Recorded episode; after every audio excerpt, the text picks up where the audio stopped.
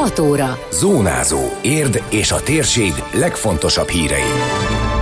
Még mindig kevés magyar nő megy el emlőszűrésre. Pinkpéntek a pékségekben merrák elleni kampány indult. Négy érvényes pályázat érkezett a Vadlód utcai körforgalom kivitelezésére. Horvát nemzetiségi nap és batyusbál, élőzenés felvonulással, fúvósokkal, kólótánccal. Ez a Zónázó, az Érdefem 1013 hírmagazinja. A térség legfontosabb hírei Szabó Beátától. A fájdalom nem itt kezdődik. A mammográfiás vizsgálat lehet kellemetlen, de a kemoterápia, a sok ezer tűszúrás és a műtét az fájdalmas, hangsúlyozta Halombori, a Merrák Info Egyesület alapító elnöke. Október a merrák elleni küzdelem hónapja, amelyel a szűrővizsgálatok fontosságára hívják fel a figyelmet. Ennek jegyében szervezték meg idén a Pink Péntek a pékségekben elnevezésű kampányt, hiszen a rózsaszín is ennek a küzdelemnek a szimbóluma.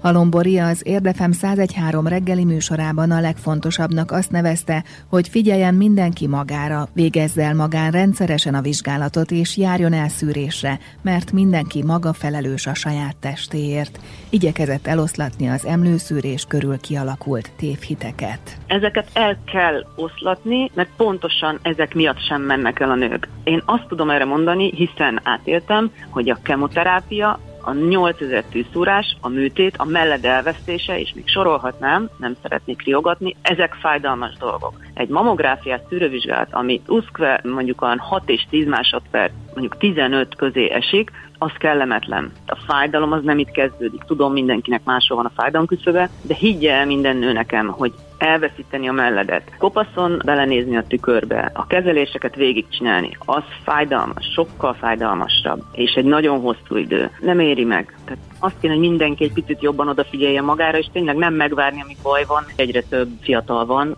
ami a legszomorúbb. Tehát itt ez nem csak a 45 pluszosok betegsége már réges-régen. A Pink péntek a pékségekben a tavaly indult Pink Gastro kampány mellett fut, amely szintén arra hívja fel a figyelmet, hogy az időben felfedezett merrák 95%-os hatékonysággal gyógyítható. Halombori kiemelte, hogy még a skandináv országokban 80% a szűréseken a megjelenési arány, itthon 40% holott ingyenes.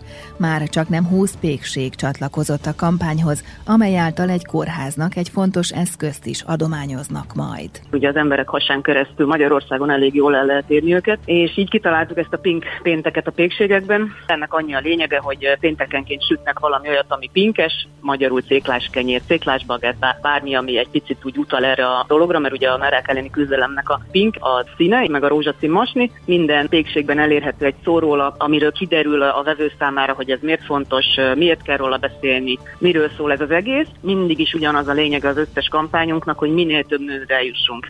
Várunk mindenkit, aki ehhez csatlakozni szeretne, menjetek, fogyasztátok ezeket a pink finomságokat, egészséges dolgokat, és támogattok ez emellett egy nagyon nemes ügyet, az Egyesületet, és ezen belül pedig mi az egyik magyarországi Fehérvári Kórháznak fogunk egy vénaszkennert vásárolni az idei kampány bevételekből. Magyarországon évente 8500 nőnél diagnosztizálnak merrákot, és körülbelül 2500-an halnak meg, mert későn ismerik fel a betegségét. A témáról még többet olvashatnak az Érdmoston, ahol a teljes interjút meghallgathatják. Lezárult a Vadlód utcai körforgalom közbeszerzési eljárása, négy érvényes pályázat érkezett, tudatta a tánok polgármestere. Ezzel elindult a döntési folyamat, bekérik a szükséges hiánypótlásokat, és a számok ismeretében elkészítik a végső költségvetést. A folyamat a terveknek megfelelően halad, ismertette Lukács László a közösségi oldalán. Korábbi tájékoztatása szerint várhatóan jövő tavasszal megkezdődhet az építkezés az érd és tárnok találkozásánál lévő balesetveszélyes csomópontban. Posztjában kitért arra, hogy az új óvoda épületében nem működik megfelelően a fűtés. A bölcsőde és az óvoda a tervezéskor közös telken, közös közműveket, közös fűtést, melegvizet és konyhai ellátást kapott. Ez okozza az alap problémát. A fűtés nem tud rendben működni mindkét épületben, a kazán rendszeresen lekapcsol. A hiba felderítésén dolgoznak, ám ez nem akadályozza az óvoda és a bölcsőde működését, fejtette ki Lukács László hozzátéve, Nagyobb gondot okoz, hogy az óvodába nem terveztek mosogatásra alkalmas melegvizet, hiszen a közös konyha a bölcsőde területén van, ahol csak a biztonságos, kézmosásra alkalmas langyos vizet építették ki. A problémák megoldásán a szakemberek folyamatosan dolgoznak, írta. Tárnok polgármestere beszámolt a legutóbbi testületi ülés egyes döntéseiről is, köztük a képviselők és bizottsági tagok javadalmazásának emeléséről, amelyet hosszabb vita előzött meg. A részletekről rádiónknak is nyilatkozott. Szavaztunk a testületi tagoknak a fizetéséről, ez nem mindenki fogadta pozitívan, de tudni kell, hogy a környéken nálunk tárnokon volt a képviselőknek a, a juttatása az a legalacsonyabb, 28 ezer forint egész pontosan havonta. Ez azt hiszem Ercsiben 59 ezer körül van, és onnan kezdve mindenki csak magasabbat ad. Mi úgy gondoljuk, hogy a juttatás az valamilyen szinten értékeli is a, a munkáját a képviselőknek, úgyhogy ezt most megdupláztuk. Mostantól kezdve, hogy 56 ezer forint lesz a havi fizetésük. Ez is még itt a környezetünkben az egyik legkevesebb, de legalább egy kicsit közelítettünk a valósághoz. Tudni kell, hogy több mint 10 éve nem volt ehhez hozzányúlva. Lukács László azt is közölte, hogy a megszavazott 56 ezer forint éves szinten 4 milliós többletköltséget jelent a 2,7 milliárdos tárnoki költségvetésben. Élőzenés felvonulás a főtéren, fúvósokkal, kólótánccal, így indul az érdi horvát önkormányzat által szervezett horvát nemzetiségi nap és batyusbál szombaton. Délután három órakor kezdődnek a programok, fellép a horvátországi szelcéből érkező énekkar és fúvós együttes, és a dalmát népszokásokat is bemutatják majd. A felvonulás után a Szepes Gyula művelődési központban folytatódik a rendezvény, illetve a batyusbál 18 órakor veszi kezdetét estét élőzenés táncházzal a talpalávalót a Felső Szent Mártoni Podravka Band szolgáltatja.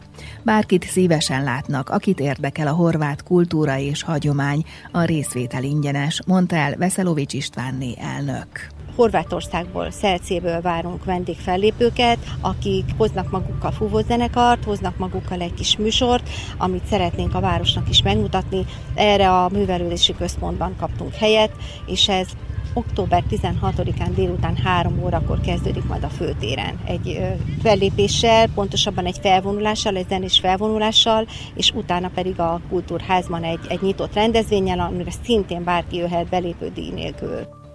Azonban csak védettségi igazolványjal tudják fogadni a látogatókat a horvát nemzetiségi napon, ahol fellép az Igrájkóló érdi horvát rác tánccsoport, a Tököli rác férfi kórus, a szelcei vendégek, a Horvát Hagyományőrző Egyesület. A program része az Érdi Rácokról című kiadvány bemutatója, illetve a rendezvény idején megtekinthető a Szelcei Egyesület kiállítása. Őszi könyvbemutatójára invitálja az érdeklődőket a Poliárt irodalmi klubja az Írka. A Szepes Gyula Művelődési Központban ma 17 órától két kiadványt ismerhetnek meg jobban a jelenlévők. Szabó Ilona Valéria a Fehér Páva című novellás kötetét, és Ludvig Géza Miért is című gondolati verseket és prózákat tartalmazó könyvét. A programon közreműködnek az Irodalomkedvelők klubja tagjai, valamint Zenél Valentin István, mondta az Érdmostnak Daróci Lajosné szervező, az Irka vezetője. Időjárás.